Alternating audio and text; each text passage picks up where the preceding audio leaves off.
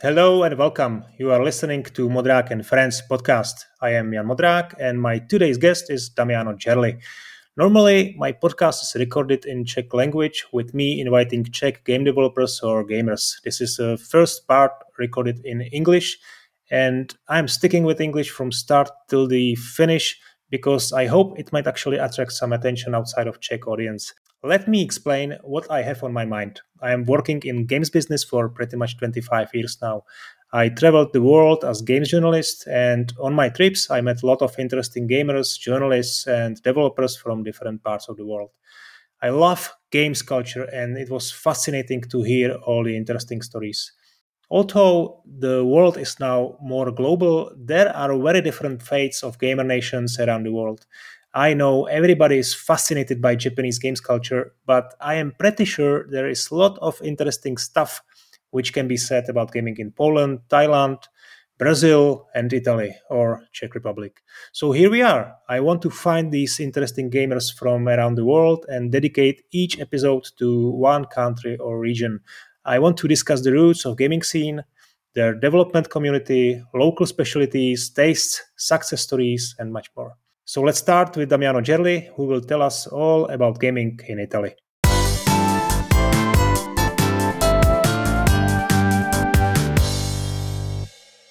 Hi, Damiano. How are you today? Hello, I'm doing all right. How are you? I'm great. Thank you for uh, for your time. So I have to ask you same first question I ask everyone on my podcast. What mm-hmm. are you currently playing? well, I, am actually playing lots of things because uh, I also do reviews for uh, modern games, for, for contemporary indie games mostly.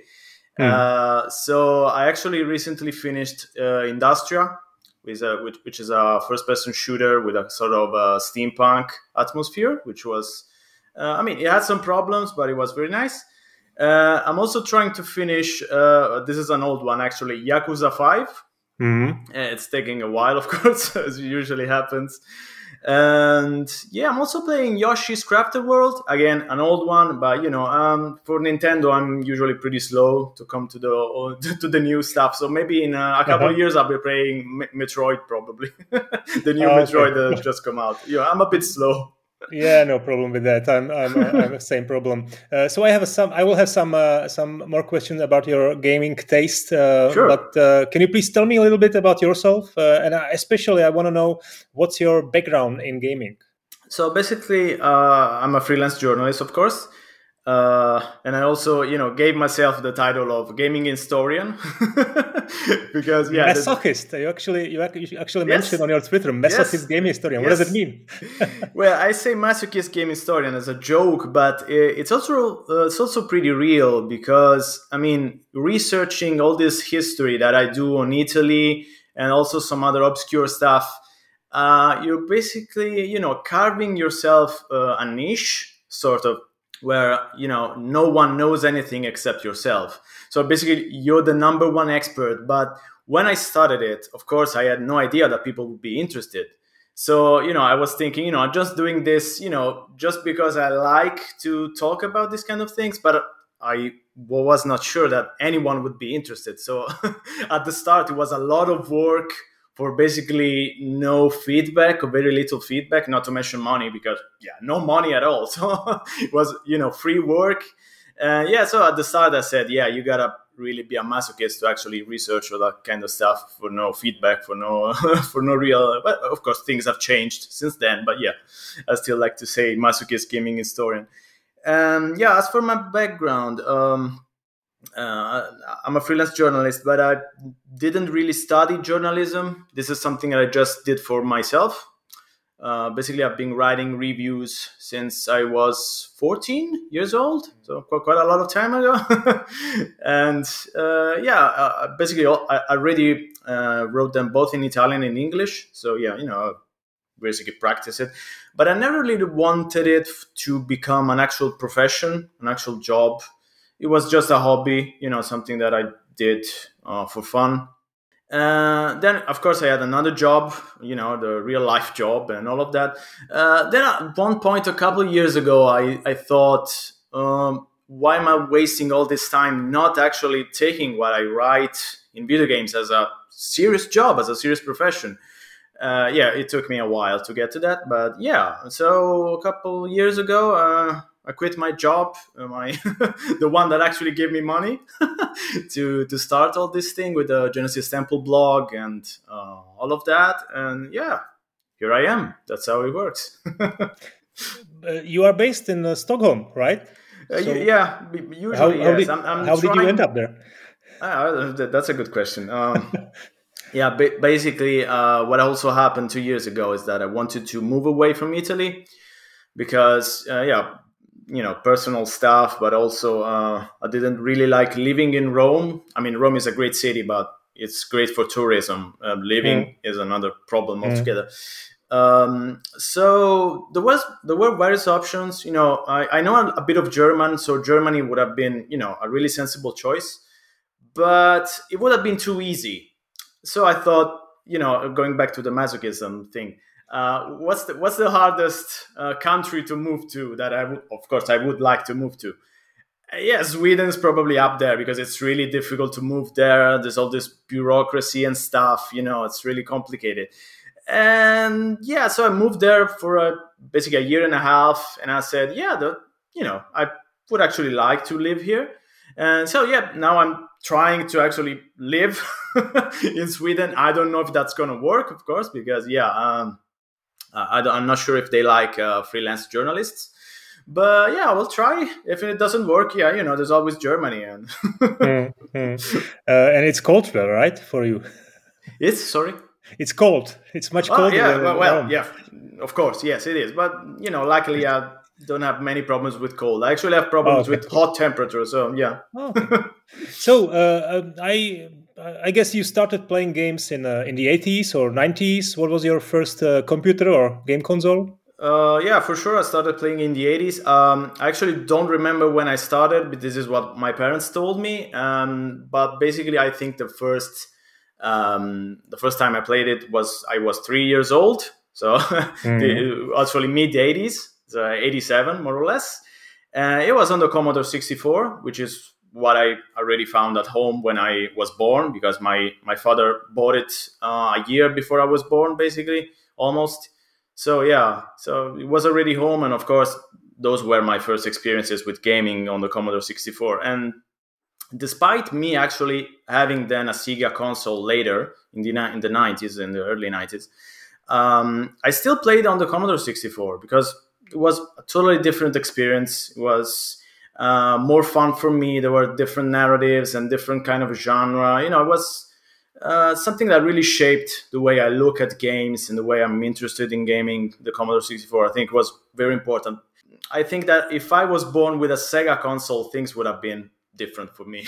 so I'm glad that the Commodore 64 was was at home. Yeah. And what are your favorite genres? Uh, I mean, maybe your favorite games of all times. Oh, that's a, that's a that's a complicated fun, question. right? Yeah, yeah. uh, well, um, as for genre, I would say I usually, of course, like things that have an inter- interesting narrative and interesting story. So of course, uh, adventure games would be one of my big uh, genre, but it's also a genre that I, you know, I have many problems with. So it's strange for me to say, you know, one of my favorite genres is adventure, but I talk about adventures a lot. So of course, mm-hmm. Uh, probably adventure. I, I, have to say that. Um, I also like first first person shooters. Uh, yeah, strategy. I'm not a crazy on strategy games, but yeah, I like them. I play yeah some Civilization, and I grew up with Warcraft 2 also later in the 90s, and Starcraft and all that. Mm-hmm. So of course RTS. Um, I'm not that big on sports, of course, but yeah, I do play every once in a while. But yeah, I would say yeah, basically action gaming and adventure gaming is where I'm mostly at. I like platformers as well because, of course, I grew up in the 80s and 90s, so you gotta love your 2D platformers. And yeah, uh, well, as for my favorite titles, well, uh, basically this is one answer I change every time I, someone asks me, so it, it's oh, a never changing reply. But uh, out of the top of my head, I would say, uh, thinking about 2D platforming, I would say Donkey Kong Country is one great title that I still love to play, despite uh, I played it when I was a kid, but I didn't have a Super Nintendo, so I played it not that often. And uh, talking about RPG, which I didn't mention, but I play RPG, I like them. Uh, of course, uh, you know, the big obscure title that I always talk about is Rings of Power on the Sega Mega Drive. That was developed by Naughty Dog back, you know, years before Naughty Dog would uh, become what is actually now Naughty Dog.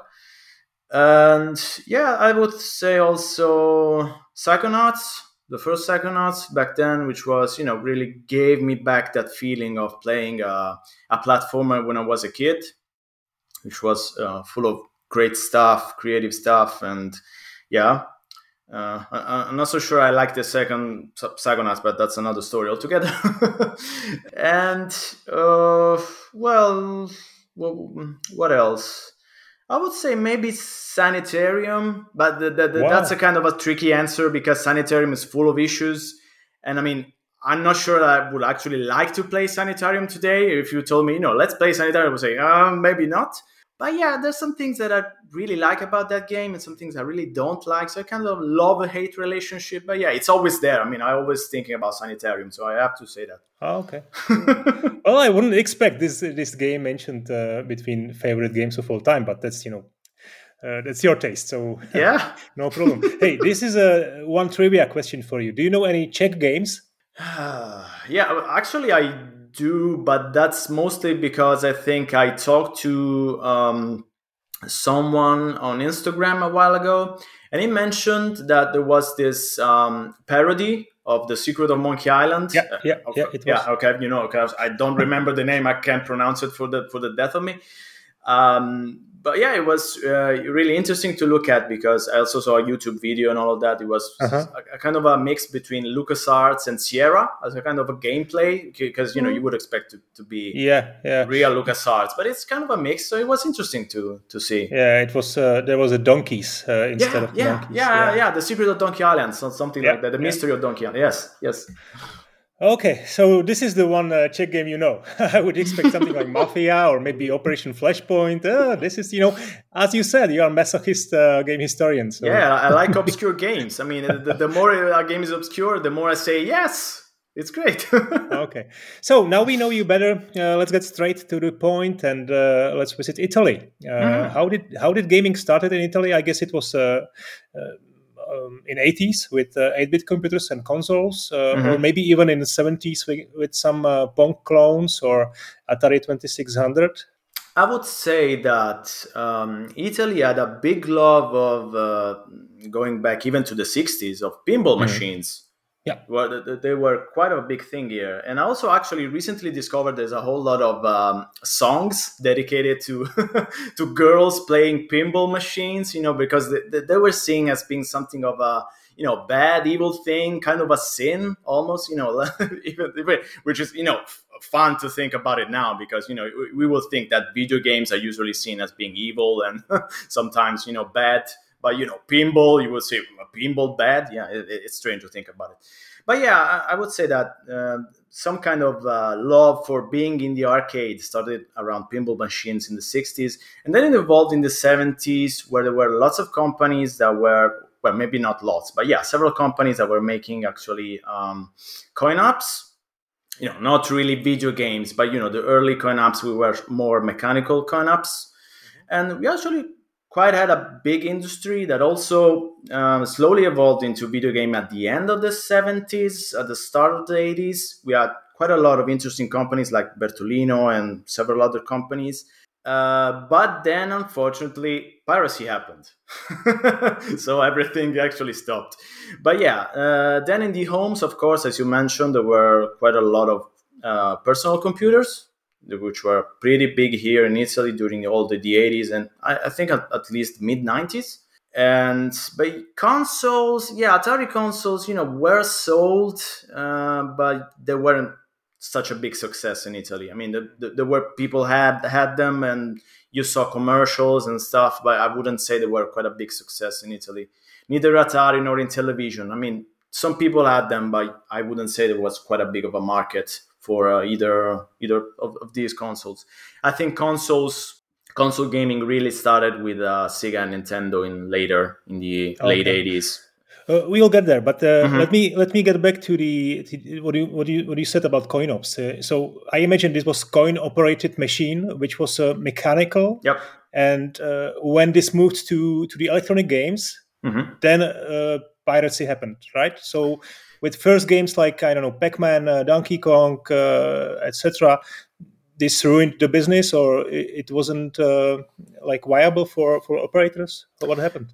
Uh, yeah, basically, I think that um, companies started, you know, um, releasing all these kinds of um, mechanical coin ops that had quite a bit of success in the late 70s.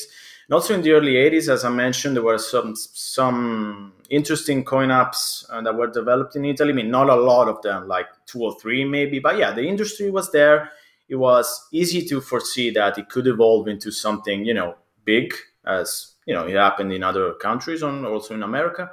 But yeah, unfortunately, it didn't happen because right around the start of the of the 80s, that's when piracy started actually becoming a thing, and this, of course, also affected coin ops because uh, there were actually people that were dedicated to uh, replicating the arcade boards. You know, basically, they bought these arcade boards at various uh, fairs in Europe. Then they imported them in Italy, like you know, two or three of them, and then they gave them to these people that uh, were really dedicated to actually copying the you know each transistor, each chip on the arcade board, mm. doing an exact mm. replica.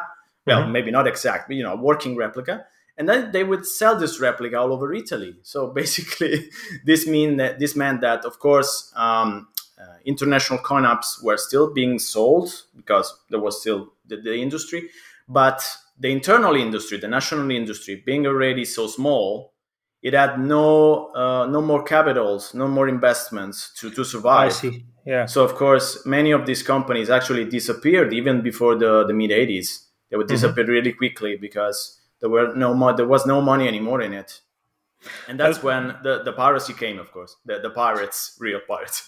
But but when you say no money in it you mean from a business perspective of the yeah. distributors from from you know international distributors. But yeah, yeah from international distributors and national distributors as well because of course um, consider that a national distributor could spend like i don't know let's say 10 euros for a replica of a uh, successful arcade board or had to spend yeah. 10 times uh, as that yeah. on something that was done nationally. I mean, if you were one of those people, you would say, "Oh, I can spend ten euros on Pac-Man replicated. Why should I spend more than that?" Absolutely, so, but this also means that uh, that there were plenty of arcades with this like yes. I mean, pirated uh, pirate arcades operators. Uh, yes. I don't know. Could be smoky smoky shops in a in a big cities, or could be some uh-huh. galleries in a in a in a you know by beaches. Mm-hmm. So from a consumer perspective, there were plenty of arcades uh, around Italy, right? Yes, yes, yes, yes, definitely. Uh, most of them were in uh, bars, I would say, and okay. especially in uh, in small bars in the in smaller towns around Italy. That, that's where you find when you talk with programmers that started working around the you know the end of the 80s or the mid 80s you will find that mm. every one of them has memory of playing in the local bar in the small town playing the arcades the coin ops everyone did that of course mm. and so yeah it was really a you know i would say a national pastime but it was really mostly dedicated to kids yeah, uh, yeah. I've seen I've seen also articles that really mention it as being you know something that was dedicated to kids, and of course saying that it's dangerous for kids to play arcades, blah blah blah, and all of that, of course.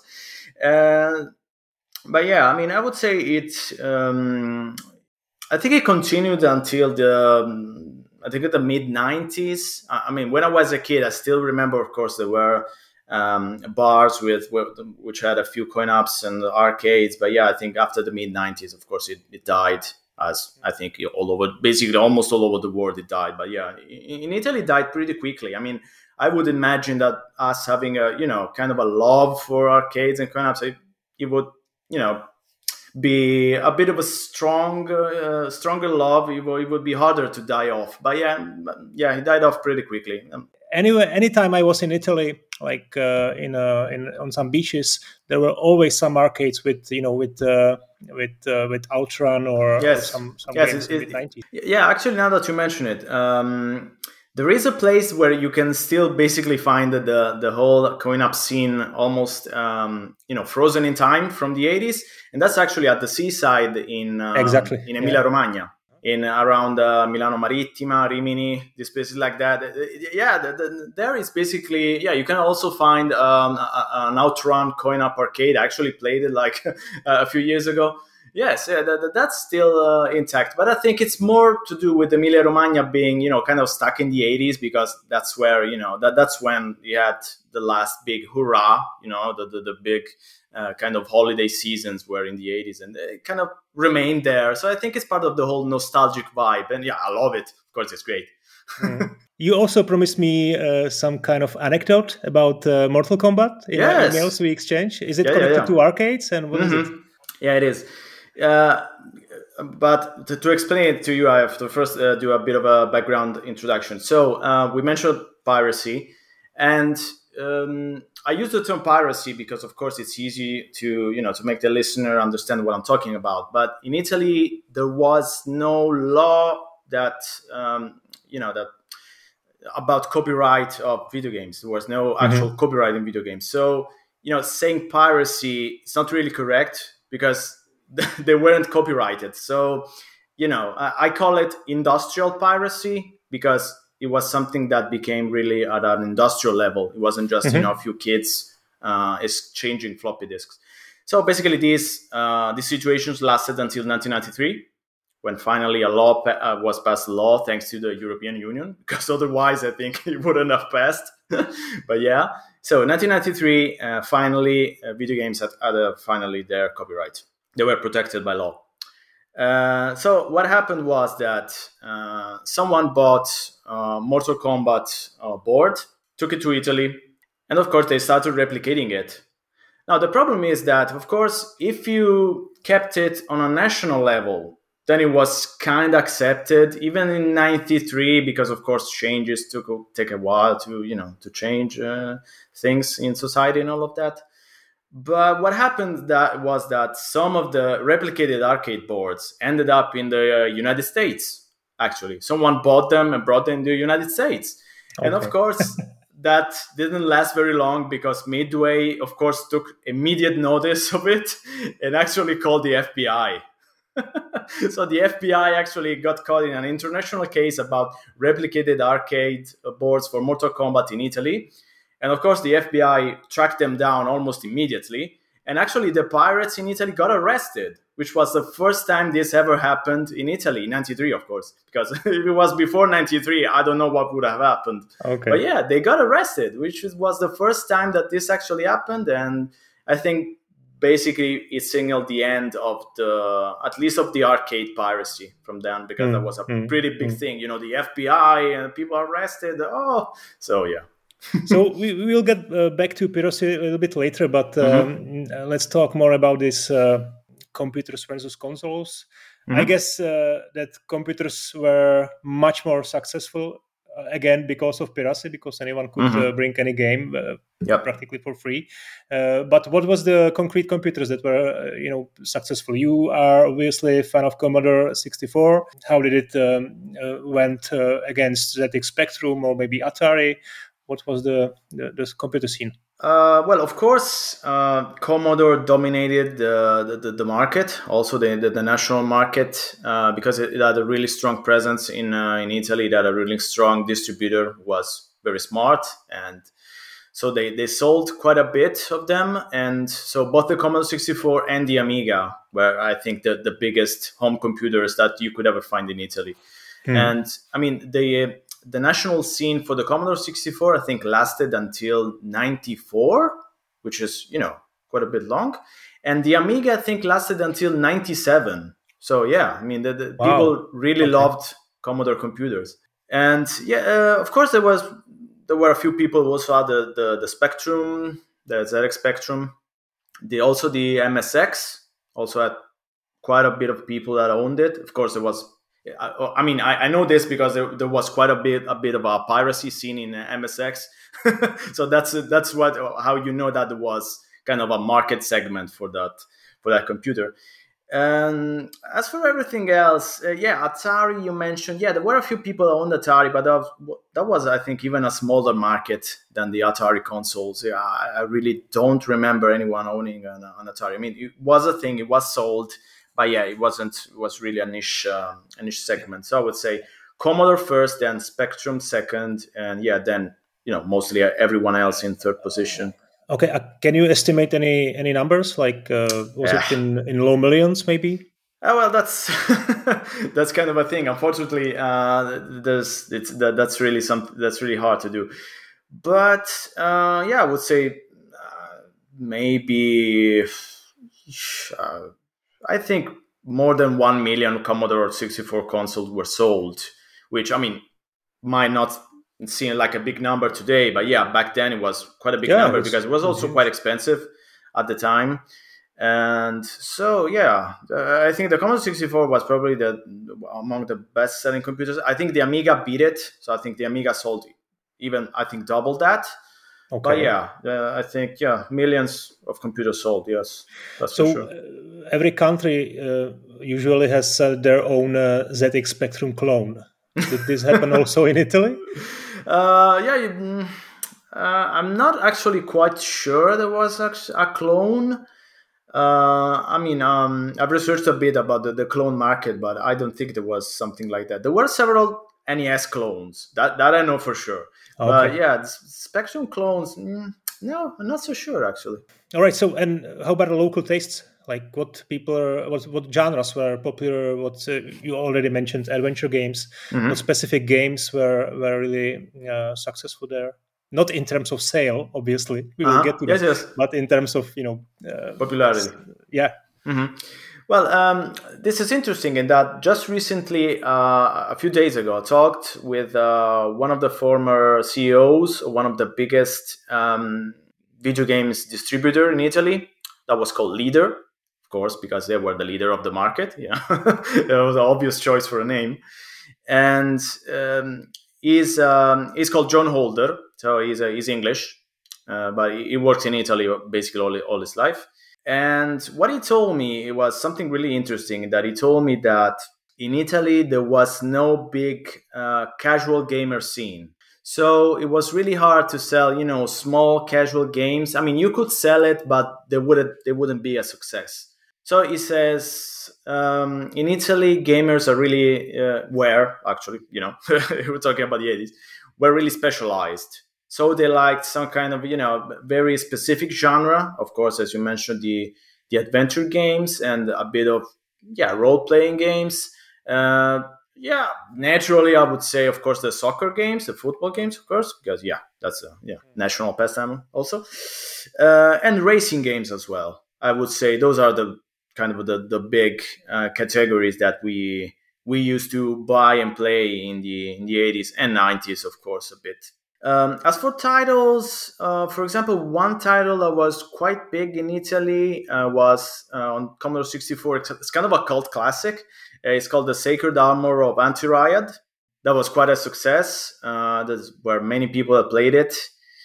Uh, as of course also the yeah the adventure the LucasArts adventure games were really uh, really big like Zak McKracken mm. and Maniac Mansion were both really su- successful and yeah I think yeah several racing games as well while but um, not sure the 80s there was really a successful racing game but yeah of course in the 90s there were several uh, especially the one that Microprose did uh, about Formula One, of course, because in the 90s, Formula One was very big, and uh, also yeah. Simulmondo, of course, got in the in the business of making uh, Formula One simulators. But yeah, mm, I think those are the the games we like more. And, and as I would say that you know, uh, 40 years later, almost uh, the the one genre that has stuck until then, until now, is probably adventure games, the one that one has survived the longest. Because racing, I mean, yeah, it's still a thing, but I don't think it's as big as it was back then. Uh, football, well, you know, not that much anymore. Uh, so I would say, yeah, probably adventure games are still, you know, the biggest genre in Italy. That that you see also people developing games on. So mm-hmm. So when when you mentioned Amiga being strong uh, in Italy, mm-hmm. how how was a PC uh, fighting uh, for their uh, attention? Uh, yeah, well, actually, the PC I think uh, started to become a serious contender. I think around the mid '90s, you know, around '93, '94. Um, I mean, people had a computer before that, of course, but it wasn't really used for gaming. Because, well, I mean, it makes sense because, of course, it had its problems, its limitations, and graphical limitations with EGA, CGA, and all that. Of course, Amiga just looked better back then, so you know it made more sense as a uh, as a gaming platform.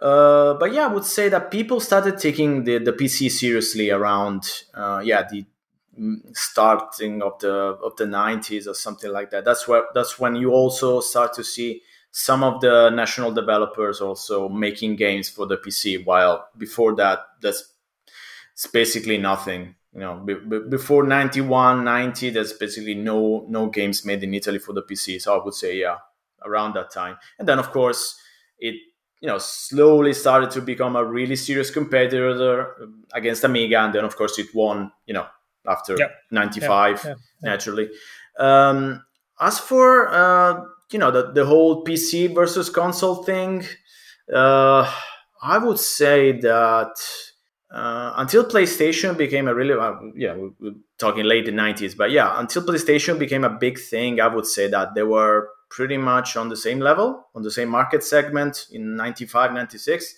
and then of course playstation took over and won later but yeah, I think PC, uh, the, computer, always remained quite a big gaming platform, but still, also in the late '90s and uh, the start of the 2000s. So yeah, the, mm. we like the and PC.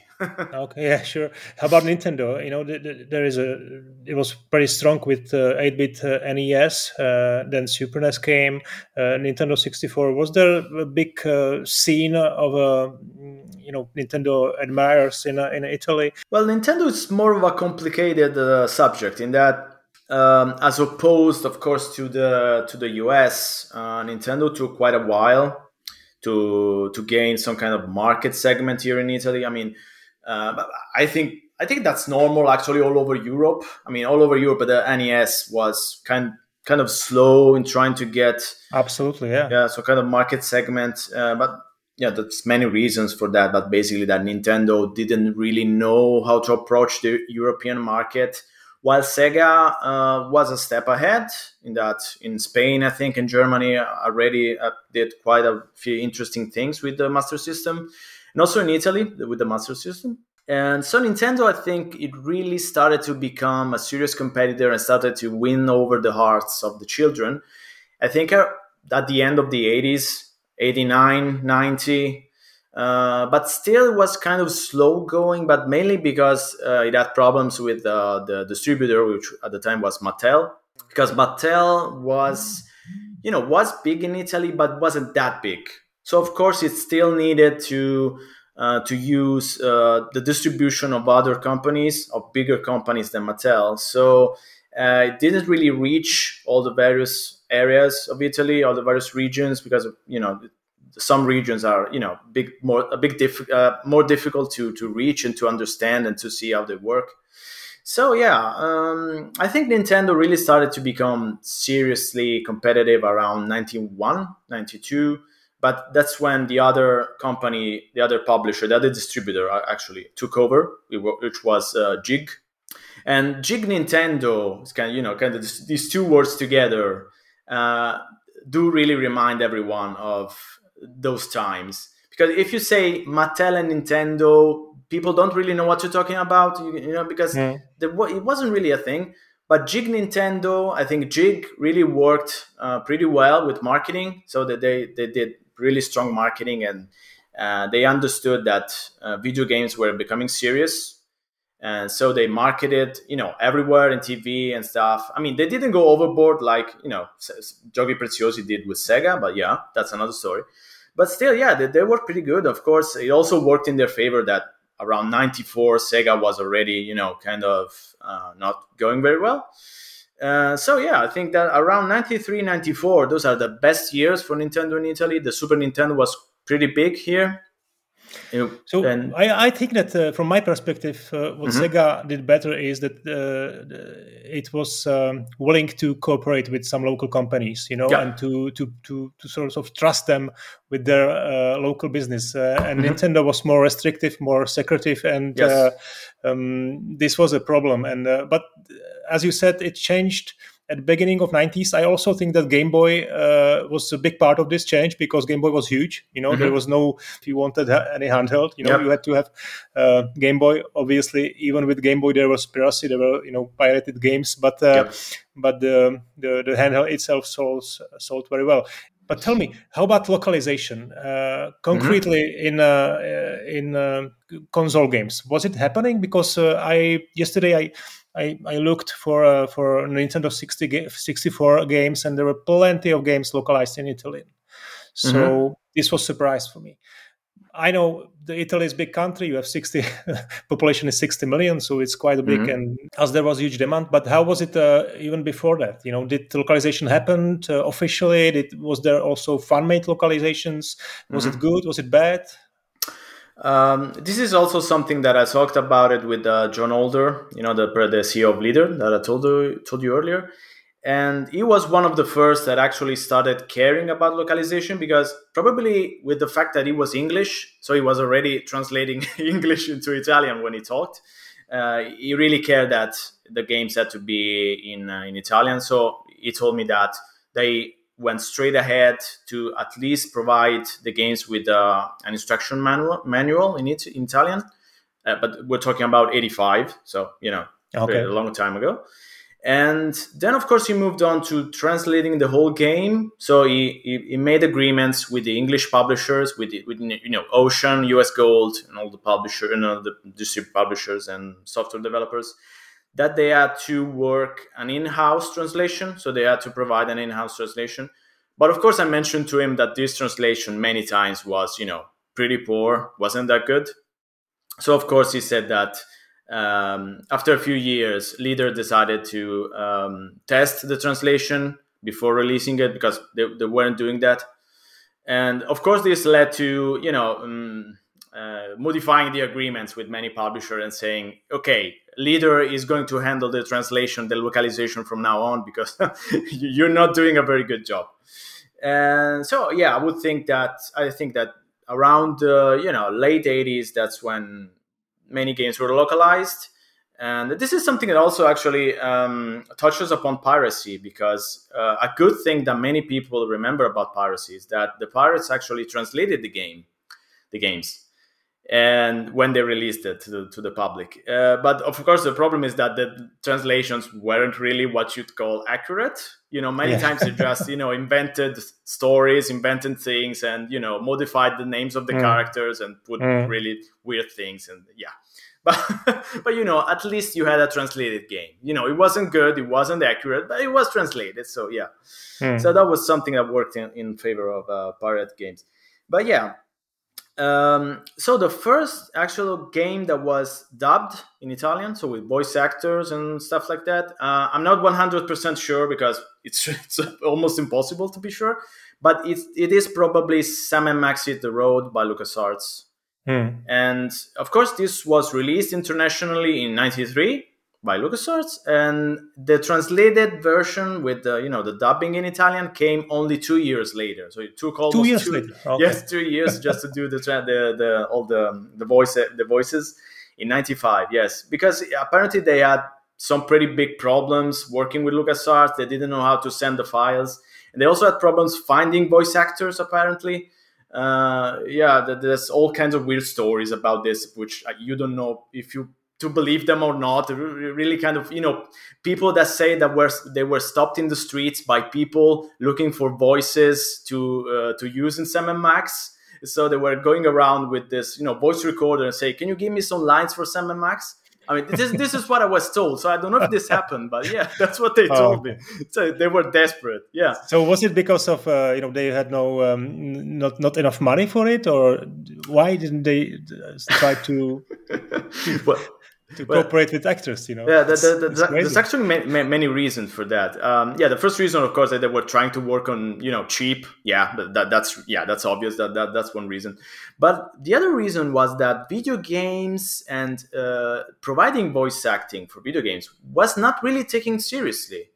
I mean, I interviewed several voice actors that did uh, a lot of uh, stuff for video games, like you know the the voice actors for uh, Metal Gear Solid and um, Monkey Island and the voices of Guybrush Threepwood. I mean, interviewed all these people, and all of them told me that back in the 90s, providing voices for video games was considered really, really low as a job. I mean, no one wanted to do that. I mean, it was considered even worse than providing, you know, the voices for a, you know, a commercial for a local brand of uh, I don't know prosciutto or you know ham or whatever. Oh, okay. so was considered really really uh, poorly by everyone.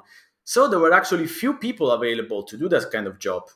So naturally, uh, you find the same people over and over in all video games. So basically, what happened is that you would take like you know a game like even going kind of modern games, you know, like Diablo 2, which you know is kind of recent Diablo 2 has like, I don't know, 25 characters, something like that, even more, but a lot of characters. And there's like five actors. So, for example, the voice of Deckard Cain, you know, the, the good guy, the, the, the, the, priest of the game, is the same voice as Diablo. So, mm. yeah, and you yeah. notice it because, you know, the actor is the same and yeah, he sure. sounds really the same. So, yeah, I mean, it was considered really, uh, no, no one wanted to do that so the, the pay was low no one wanted to work and of course that ended up being that people were desperate but yeah after a while of course it became a serious job you know after you know five or six years when they started doing this seriously then now of course it's recognized as being you know mm. something that mm. is considered uh, does this goes in line with the general perception of video games uh, as something you know well, um, I'm afraid so. Yes, uh, but uh, I, mean, I I reflected on this a bit in this last uh, few months. I, I did all this research on the mm. Italian video game industry, and I think part of the blame for this is actually piracy. Piracy is a bit to blame for this, and I'll tell you why. Um, I think piracy gave people the idea that video games were first, I mean, they weren't protected by law. So, I mean, already this was a problem. But even going beyond that, uh, selling all these kind of games in uh, in newsstands and all magazine racks where you could buy, you know, next to your newspaper, you could buy a compilation of pirated Commodore mm. 64 games for really for little money, like 12 games for I don't know, five euros or even less than that. Uh, gave people the idea that games weren't worth that much money. They weren't that important. I mean, we're talking about there were even good games there, like I don't know, Impossible Mission or Bubble Bobbles or classics, and they were sold for pennies, so for little, very little money. And I think this contributed a lot to the culture of games being not really worth that much you know that much money that not much of your time mm, mm. being kind of a you know like a a pastime, like I know, a bit like pinball, maybe in a way, like a pinball machine. You know, something you would play like 20 minutes and then you gave it up and you go do something else. So I think, uh, and with this, that the fact that this, you know, continued throughout the 90s almost. So it's, you know, it's kind of recent. I mean, not really recent, but it's not that far away in time. I think this contributed a lot to the fact that still video games struggle to be taken seriously. I mean, things have changed, of course, now, and it's different. And we have a small industry in Italy of people that make video games. It's not big, but you know, it's slowly becoming bigger and more serious. So yeah, it's going in the right direction, I think.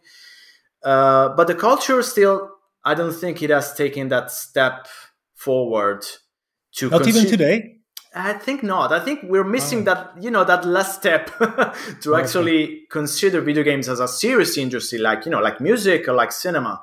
I think mm. that's still missing. I mean, things are changing, but as always, really slowly. So I think, mm. you know, that last step is still is still missing from us. Yeah. Yeah, so this is very very interesting because uh, in Czech Republic, obviously, mm-hmm. uh, it was Czechoslovakia before uh, 1989. Yep. It wasn't possible to buy the games in uh, in the shops. There were no shops like that, software shops. Uh, so people uh, went for a club and exchanged the, the game for a game. Mm-hmm. Maybe even bought them for free crowns. But you know, this made them okay. So it wasn't generally acceptable as a as a you know culture media or uh, mm-hmm. how, how, to put it but there were also local communities and this was very strong point you know people were talking about the games you know the the, the gamers were able to to really connect with each other mm-hmm. and then what happened uh, at the beginning of 90s uh, the games magazine came and this was uh, also a huge um, change because finally people could read about the games um, and get their information. So this uh, does this uh, also happen in Italy? Have you had some nice, uh, uh successful games magazines? Um, I, am sorry to always repeat the same thing, but uh, actually, the first person that thought that Italy needed some kind of press magazine was again John Holder from okay. Leader. That's him again. I know the, man is responsible for a lot of good things. Yes, it, it was a pleasure to talk to him. Uh, but yeah, basically what it did was um, this is what happened. Um, it was fighting against piracy, but it was very hard because, as I mentioned, was no law. So of course, it was mm. really hard to go in court and have these people uh, you know forced to to pay money to pay damages and stuff. It was almost impossible. So what he did was usually try to scare them you know the, by going to court he would say don't do that again. And uh, once uh, he actually found these uh, people that were publishing this magazine that included of course Pardet games and he told them, let's do it like this. I will drop the case in the court if you print a video game magazine in Italian with no pirated video games. And so what happened is that he got the Zap license from the UK. Okay. And he mm-hmm. started publishing Zap in Italy. And of course, he got the license for the Games Machine and he started publishing that as well in Italy. So the really the first magazines, serious magazines, you know, good stuff we owe it to again to John Holder, and but yeah, I think Zap and the Games Machine, and then of course there were other magazines like K, for example, uh, or Kappa, as it's pronounced in Italian, and so yeah, I mean, I mean, the I, I think the press, uh, of course, contributed. I they did their job in making a bit of a creating a bit of a culture um, or a bit of a community. Sorry about mm. around gaming, around gamers. Um, uh, but what, what I think is uh, also something really good that the Games Machine did is that around the, the start of the 90s, they created this um, column that was called Talent Scout, mm-hmm. where they actually uh, featured several games that were, that were sent in by various amateur programmers and but uh, that was actually also how many programmers got in touch with each other started working and some mm-hmm. of that actually led to you know actually release games or you know serious games like Fighting Spirit uh, that was uh, released in '95 by Lightshock. Uh, so yeah, uh, I, I, mean they could have done more than that. I think. I mean it wasn't really perfect mm. that great, but yeah, I mean they, they I think they did their job and yeah, I mean they were pretty decent magazines. I think. Would, I mean they weren't perfect. Again, you know, mm. reading some of the reviews now uh, you know you get you get the impression that many times they haven't really played the game or they just reviewed yeah. it based on you know images that they received from the publishers but yeah I mean, I think that happened all over the world. So yeah, yeah it's normal thing. Okay. so let's move to uh, one of the most in- interesting topics regarding uh, Italian gaming culture, and it's obviously piracy. We we already touched it uh, mm-hmm. on quite a few uh, moments. Yep. So you wrote a very comprehensive article on your website, Genesis Temple, and I will put mm-hmm. it in a, in the show notes for anyone interested in reading it. Yep. But um, so let's talk about it for a minute. You already mentioned that up until early 90s there wasn't actual functional copyright law in Italy, mm-hmm. which is which is really amusing for us. uh, and because of that, anyone could buy uh, pirate game software in smaller newsstands, uh, mm-hmm. shops, cigarette shops around the country. Yep. How did this work? It so, so, there were some local distributors. It was I don't know some uh, entrepreneurs who who bought the games in in the UK and they just copied them uh, in thousands and distributed in distributed it locally in Italy? it was a, a, bit like that, and, and, a bit more than that, actually. Um, so what happened was that once people um, you know understood that it was possible to basically sell copies of games without consequences without no big thing of course this started at, at a shop level in that you went to a video game shop and you you know for example you asked do you have Atic Atac for zx spectrum? And they would tell you do you want the good copy or the copy? And you was you would ask what's the difference? And of course the copy costed like you know half half than the than the good copy. And of course you being a kid having very little money you would say give me the copy because who cares about having an instruction manual and a case and all of that? Uh, so that that started in the shops but very soon it moved to being what i i mentioned earlier is that mm, the, the term industrial piracy in that uh, legitimate companies. I mean, we're talking about really legitimate companies that have employees that paid benefits for the employees. These companies pirated games and sold them in shops, in newsstands, as I mentioned, magazine racks and stuff, cigarette shops, whatever. Uh, so it was quite an industry, really, and they earned a lot of money. We're talking really a lot of money. Talking like I don't know. Um, uh, 15,000 euros a month of for, uh, just selling the all this kind of pirated stuff and of course uh, many people were you know the, the one that actually bought the games didn't know what was going on because at one point you didn't just didn't know because what happened is that um, in the shops all the all these games were sold with different names than the real ones and they were modified to avoid as much as possible featuring brands and things that could be copyrighted anyway. For example, I don't know the name, you know, Mario Bros. For example, that would be still something that would be copyrighted by Nintendo, even beyond the video game copyright law. So that could be dangerous. So they had to modify all, all of that. So the end result is a more many times a game that is very recognizable as the original. If you don't know the original, especially, So, uh, still today, many gamers from the 80s and 90s uh, still have no idea what's the actual original name of many of the games they played. Uh-huh. So, uh-huh. you find them in forums asking, uh, I remember this game that was called Pallino that had this kind of yellow thing that went around. Yeah, all this kind of weird stuff. Uh, yes, what happened is that uh, many times the games were brought over from England so there was actually some people, even a university professor. There was actually one in Bologna that was pretty well known that used to travel to England and come back with a suitcase full of games. and okay. he copied them and distributed to all students and everyone that wanted a copy.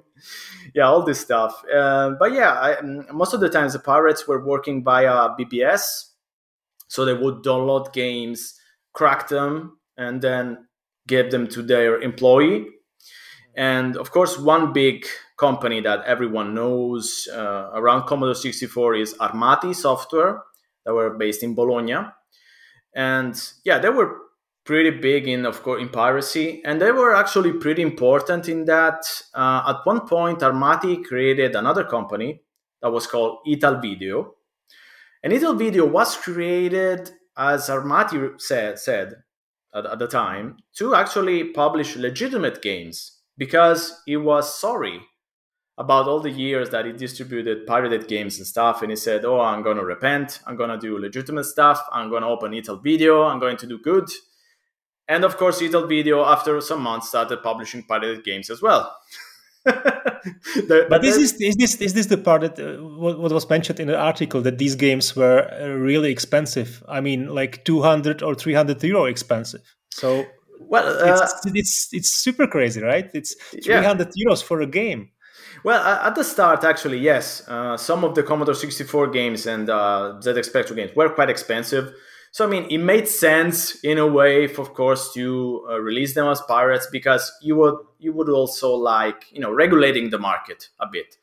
But uh, as again, John Holder, uh, he's back again, uh, also told me that he made a deal with Mastertronic in the UK to release budget games in Italy. And they were quite cheap. There were two lines of games and they were sold quite cheap. I mean, because he knew that there was this big pirate problem. So, of course, he said, I'm going to try to make them as cheap as possible, and we're talking like five euros, something like that. So cheap. And I'm going to make them as cheap as possible in order to try and fight these people. But at one point, a leader made an agreement with Ital Video again to release legitimate titles. And what happened is that Ital Video at the end again started releasing pirated copies because it didn't have enough titles, yep, legitimate sure. titles to sell. So of course it went to their old business line, and this uh, caused um, the controversy of Leader versus Ital Video that John Holder told me it lasted the you know the whole uh, legal thing. It lasted almost like thirty years, a lifetime. And in the end, uh, I think Leader lost also quite recently. It came to a conclusion, and Leader also lost. So yeah, I mean, in the end, I think the Pirates won because uh, the, the, I mean, of course, in '93, as I mentioned, uh, the law passed, but still, uh, don't make the mistake of thinking, you know, oh, in '93, piracy in Italy stopped because that's not what happened.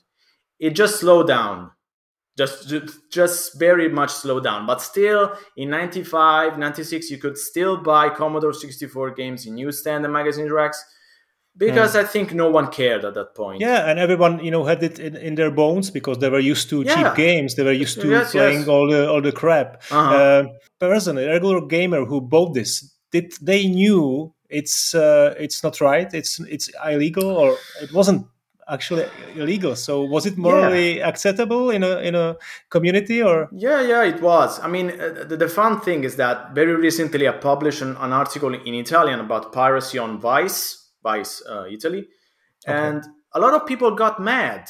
I mean, people still get mad because they say that you know the damages done by piracy are not true.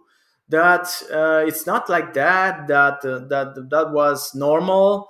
That because there was no law, so of course those kind of pirated things were legitimate. And I mean, on one hand, if you look at the law, they're right because there was no law. So again, we could say that they're legitimate, but still the principle is that you're making money out of someone else's creative property. Without recognizing anything to the author. So, I mean, the, the, the principle is clearly wrong. so, the, these people still defend it to this day. And it, exactly. And, and, and, even from practical standpoint, uh, you know, from, from, from perspective of a gamer, on, on the one hand, you have an opportunity to buy very cheap games, but mm-hmm. on the other hand, you know games are stripped out of the all the uh, yeah what you mentioned you know there's uh, there is no mm-hmm. reference to authors there is uh, the name is name is changed so you yeah. don't even know what are you buying you don't have exactly. a you know yeah you, you, know if, if the game is if is, is whole right because you said that some games were made in uh, five uh, mm-hmm. by, by levels so yes this is this is insane yeah. yes yes because of course uh, most of these games were sell were sold on tapes so that, that meant, of course, that complicated multi-load games on Commodore 64, like The Last Ninja or games like that, um, had to be split to actually fit on tape. So uh, it was almost impossible, even if you wanted to reconstruct the whole The Last Ninja game, to find all the different pieces, all the different levels that were released on tapes. It was almost impossible because you had no way of actually finding out which level was in what game. So it was really a mess. Uh, that, that, that's what I think the whole confusion that piracy caused is, uh, uh, yeah, something interesting. And that what you said is that did the gamers know? I mean, I'm talking about myself. I mean, at one point, I recognized that, for example, when I was eight years old, I recognized that what I was playing was Pac Man because I knew Pac Man. And it was called Pallino in the Italian title. But still, you know, being a kid, you think, oh, that's just just the translation, you know? Mm. You don't think, oh, someone took this game from the original authors and modified it and sold it to me without the, the authors really knowing anything. I mean, I knew that something was wrong because clearly something weird was going on, but I, of course, I had no idea. And even my parents had no idea when they actually bought them, bought this kind of games. So so, was there maybe some sort of separate pirate distribution where people could get software um, uh, in like same version as uh, it was sold in the UK, maybe? Uh, yes. Not for money, just people, you know, exchanging yes, yes, games. of uh, course. Because this would be only solution to this stressful situation when I go to the shop. I, I buy cheap game, but I don't know what I'm buying at all. Yeah, yeah, yeah, yeah, yeah, yeah. Of course, I mean th- that kind of piracy. I think is uh, normal in each country, as of course uh, kids and you know people just passing around floppies and tapes and mm. stuff. That, mm. that that that I think is absolutely normal, and, and and this is what I think is the main difference between Italy and the other countries, in that we didn't just have that piracy that you mentioned. We had a national wide industry of people selling pirated yeah, games. Yeah. So that's the main difference to always keep uh, in mind when talking about uh, piracy in Italy. But yes, of course, we had uh, kids exchanging floppies and stuff. And yeah, but if I think the only way that you would know uh, what you were buying, if, if, if you go, if you went to a shop and asked for a certain title, and then of course they, are, they offered you the copy uh, it, actually is funny because at one point it became almost impossible to buy an original game. I mean, if you wanted to, if you had the money, if you went to a shop and said, I don't, I don't know, I want to buy uh, The Secret of Monkey Island on Amiga, most of the times they didn't have it. They didn't have it because it would make no sense for them to stock it. And J- John Holder, sorry, uh, I, promise it's the last time I reference him uh, told me that at one point uh, he, he had he was working with 500 shops all over Italy, and at one point he realized that uh, he was he was he was selling like two copies for each shop of every every game he, he, he sold. He, he sold just two copies. So he realized that why two copies? Because one was to put it on the shelf, and the other one was for copying it. So he said, you know, uh, eh, I don't care about, I don't even have to care about the quality of the games that I sell to my shops because any games that I that I release, I'm just going to sell two copies because that's, that's, all, they, yeah. that's all they need. so this uh, actually caused uh, the huge damage to uh, also local development, you know, because yep. I assume it was extremely hard to uh, to make a living by producing own game software in this private driven market. Yes Exactly. So was there actually some um, software houses uh, in um, already in 80s mm-hmm. who were able to produce their their original games? Uh, yes, I mean what we didn't have really was what in the UK are called the bedroom coders because you know you get you get many stories of people mm. that you know worked alone in the bedroom to a game then they sold it and they became millionaires this in italy did not happen at all because there was no money for it none, none whatsoever. But still, you know, the I think the first software house, if we can call it that, was was called Lindasoft. Mm. It was, around '86, so before Simulmondo. Uh, and they were selling both pirated games and both their own games. So they were, you know, kind of a middle ground. So they, they did kind of both things. But you know, of course, the, the first, uh, I would say, legitimate software house that only sold their own games was Simulmondo that began in 87. Uh, and again, of course, as I mentioned, th- there was this connection with piracy in the beginning because Simulmondo at the start did not, they, of course, did not have the mediums to produce and sell boxed copies of their games all over the, the nation because that was really expensive mm. and and Carla was the president of uh, Simulmondo was a journalist so of course he did not really have even the knowledge to do something like that out of the blue mm. So what what he did was he called up Ital Video, which we mentioned, and he said uh, he was really uh, against piracy. So he told them, if you're going to do you know just legitimate business, we could work together, and you can release the first games by Simulmondo. And so that's what happened. The first three or four games, I think, by Simulmondo were distributed by Ital Video, which was really you know Armadi software in the end, always the same the same old guy. And the, what then what happened was, I mean, that's what Carla says. I'm not that sure, but Carla says that what happened was that he found out that, of course, Ital Video was still selling pirated games, and he got mm. mad, and of course, he t- tore up the agreement. And basically, by 1989, Simulmondo was publishing and distributing his, their own games by themselves. Then they mm-hmm. used another publisher later, and Leader too, of course, they used it. But yeah, that's what happened. Uh, but yeah, as you said, there were a lot of damage to the industry because there was very little capital, very little investment in the in the, in the industry. So software houses were very small. We're talking, uh, you know, like uh, four or five people. you know, at one point, actually, Simulmondo later uh, grew up to 20 people. And it actually became almost bigger than Electronic Arts at the time. it was almost a, a, whole building of people. Uh-huh. So, yeah, it actually became really big but then and, you know everything ended up in uh, flames yeah, and and when we talk about the games mm-hmm. themselves what what are we talking about is this uh, i guess it was uh, with italian story maybe you know text heavy games was it comparable uh, to to normal um, products from from uk maybe uh, yes and no. in that, I would say, uh, for example, the first games by Simulmondo were uh, I don't know for what reason, but yeah, they were uh, sold, they were thought up, sorry, to be representative of the Italian culture. So the first game by Simulmondo is Bocce, which is on the game of bocce. I don't know how you call it, balls, something like that, uh, where you know you throw the ball around, yeah, you have yeah. to get close to the small one. And the other, the second game was Tombola, which is kind of a bingo that we play in Italy at Christmas. So you know, this really niche little games that yeah uh-huh. wouldn't uh-huh. really compare to you know, okay. as you said, the game from the UK.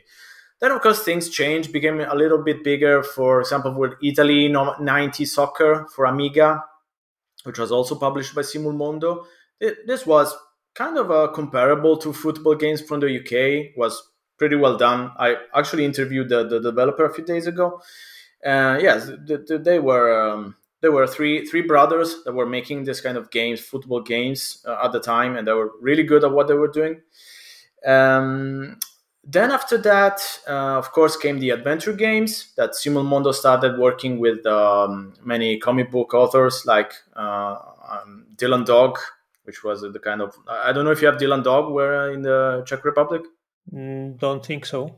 Okay, it's so like basically the, TV series. Or? Uh, no, it's a comic book series. Oh, it's okay. been going basically almost 30 years, no more, I think almost 40 years at this point. And it's called Dylan Dog or Dylan Dog. It's basically like a paranormal investigator. It's kind of horror mystery, but there is some humor as well. Uh-huh, uh-huh.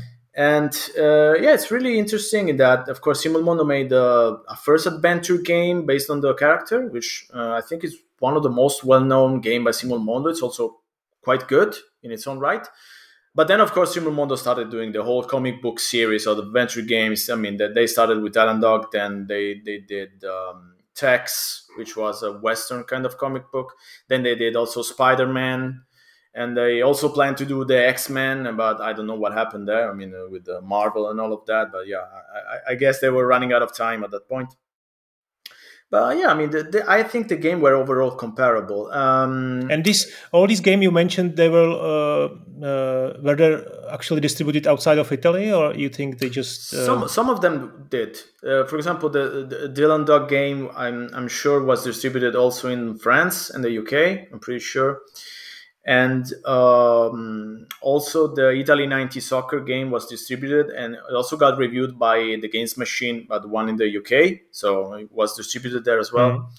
And for example, uh, going to another software house, uh, Dynabyte uh, made uh, the adventure game, the point-and-click adventure game Nippon Safes Inc, and mm. that also got distributed uh, outside of Italy, even though my i mean the people i interviewed the developers said that there was no agreement to do that so i don't know what happened they don't know what happened but yeah still it got distributed outside italy and mm. of hmm. course the big red adventure still by Dynabyte. yeah, yeah my favorite game yes. yeah great yeah that, that's you know they, they made a deal with um, core design that uh, was actually working on tomb raider back then and yeah it got distributed in the uk and of course basically all over europe and then also um, Trecision was another software house. It was pretty big, and they started small, but then they grew up pretty big, and they made uh, Nightlong later in the mm. 90s. Nightlong also got distributed, I think, almost all over the world, in the US and the UK, and it, it's kind mm. of famous. I mean, it's not that good, but yeah, you know, it's still. I also found uh, the, the, the uh, studio called Napsteam. It mm-hmm. is from Sicily, yep. and uh, they actually they're actually active uh, up until today, yes. and they did uh, in Amiga times in 1994. They did very good fighting games, Shadow Fighter. Yes. And they recently uh, uh, released a game called Baldo. Baldo, Yep. uh, which I which I played. I didn't knew it's uh, it's from Italy. I just played it last uh, last month, Did you like it? and yeah, it's it's uh, it's quite good. Yeah, not bad. okay. so how is it nowadays? I mean, apart from Milestone and maybe this uh, Milan studio of Ubisoft, I don't see Mhm. any big successful game development studio in Italy. Well, uh, as I said earlier, uh, we're still kind of a small industry. I, I think we're almost 20 years behind many of the other European countries. I mean, if you take something like Spain, I mean, Spain had kind of the same problems as Italy in that piracy was also rampant there, but still they picked up the slack pretty fast. I mean, right now they got pretty good industry. I mean, it's not it's not huge, but it's pretty good. Uh, Italy is still kind of lagging behind. I think 20 year good 20 years behind, and we got a lot of indie developers, small uh, studios like four or five people studios that, as I, as I was mentioning earlier, do adventure games and uh, shoot, action games as well. I mean, there, there, there was there, there is several genres genre, but yeah, there's no big studio outside of Milestone and uh, yeah, Ubisoft Milan, as a, as you as you said. But you know, Ubisoft Milan, I'm yeah, I'm really you know really proud that they managed they managed to do that uh, Mario Rabbids game that was really their dream, and they also they worked pretty hard at it. I mean, you can like it or don't like it. I mean, it doesn't matter, but it's still kind of a huge uh, achievement for them. I mean, doing like a triple A Nintendo game for Italy, that's yeah, Yeah. that's pretty good. Uh, even though uh, yeah, the studio is not really 100% Italians. Italian Yeah. French, but yeah, you know, I still count it as an Italian victory because why not? and, and milestone is very productive you know i'm uh, Yes. always smiling like they are able to produce three or four different uh, games uh, every year you know Yeah. and actually i found out just before we started that, uh, that they are actually active uh, from 1994 they were Mhm. they were founded under the name of uh, graffiti and Actually- they produced uh, screamer which is Yes. very very good game from 1995 Yep. Uh, actually, uh, Antonio Farina was at the time the CEO of Graffiti and then of Milestone until, until I think 2004, if I remember correctly, or seven, I don't remember now. But yeah, until a while ago. Um, before that, uh, Antonio Farina uh, was actually the, the the CEO of Idea Software, which was one of the very early um, also software developer in Italy, and they did. Um, I think it's called Moonshadow, and they also did other titles, uh, platformers. They, they did several uh, several kinds of games. Nothing really huge in the end. But the interesting thing is that uh, Idea was created again by John Holder. because he put Antonio Farina there because he wanted uh, to distribute it some he wanted to distribute Italian games. So he met Farina, at a, I think was a journalist back then. He met Farina and, and decided to actually create this whole idea of idea software. And yeah, then of course it's thanks to Farina that he was able to take it and uh, to to milestone.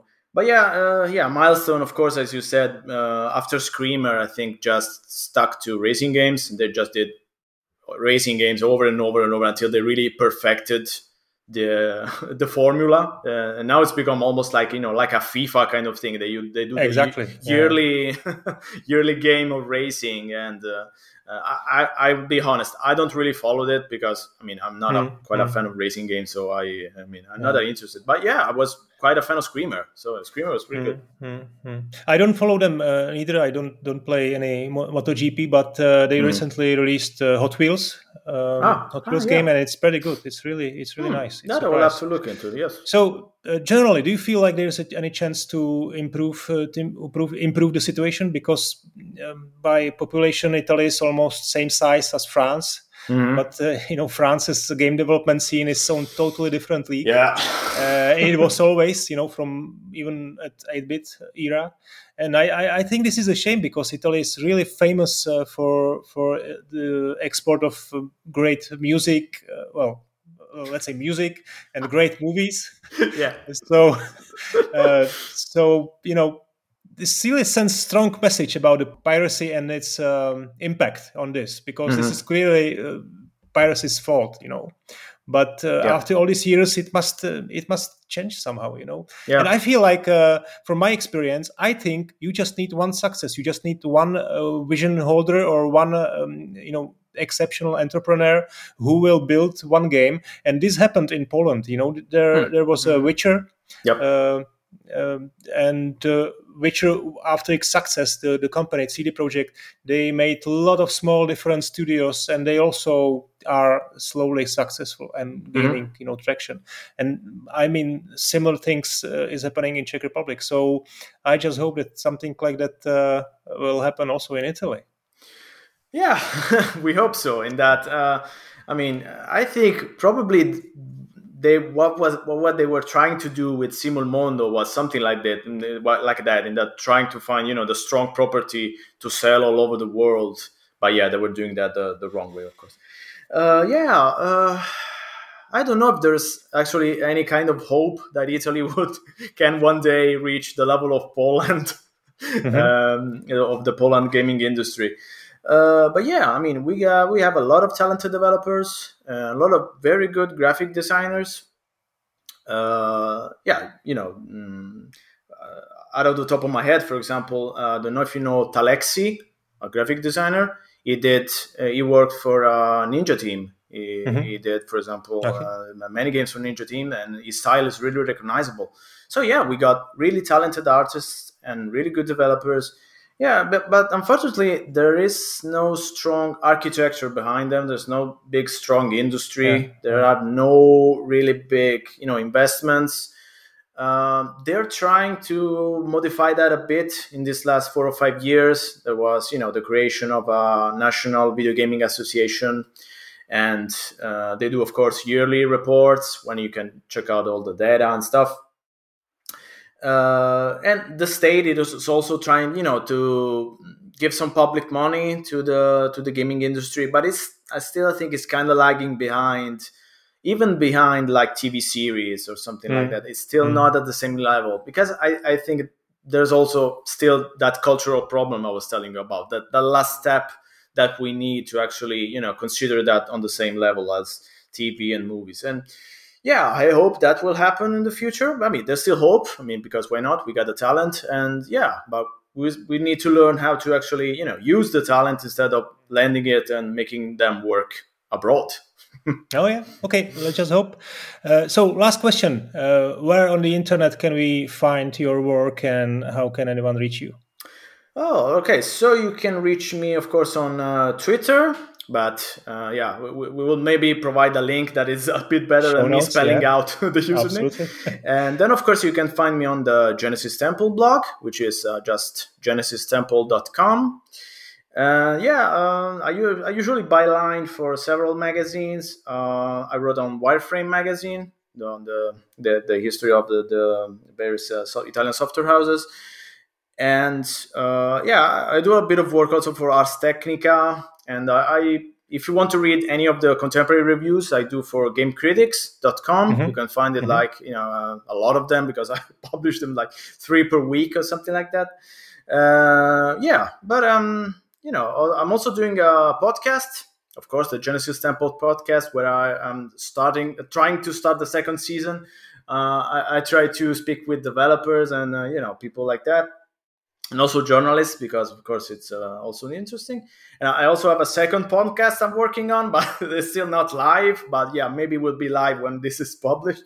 It's called in the deep end i do with a fellow journalist. Uh, yes uh, i think that's it. I mean uh, Yeah. you can find me around the web so get okay, in touch and I, I, I just need to add that you mentioned that you wrote article for Czech uh, Level magazine. Yes, you know, and you, you plan to yes. to write uh, another one. So this is also important. Yeah. Yes, of course. Yes, yes. I didn't mention it because, of course, uh, it's not online. Of course, so even if you It's not- knew yeah. Czech, you can't read it unless you buy the magazine. Absolutely. But yeah, of course. Okay. Well, Okay, Damiano, I'm uh, really uh, grateful for your time. It was a great Uh, insight in uh, game culture in Italy with plenty of interesting stories. So let's stay in touch and uh, sure. uh, good luck with everything. All right. Good luck Ciao. and thank you for the invite. Ciao. Ciao. Bye. Bye.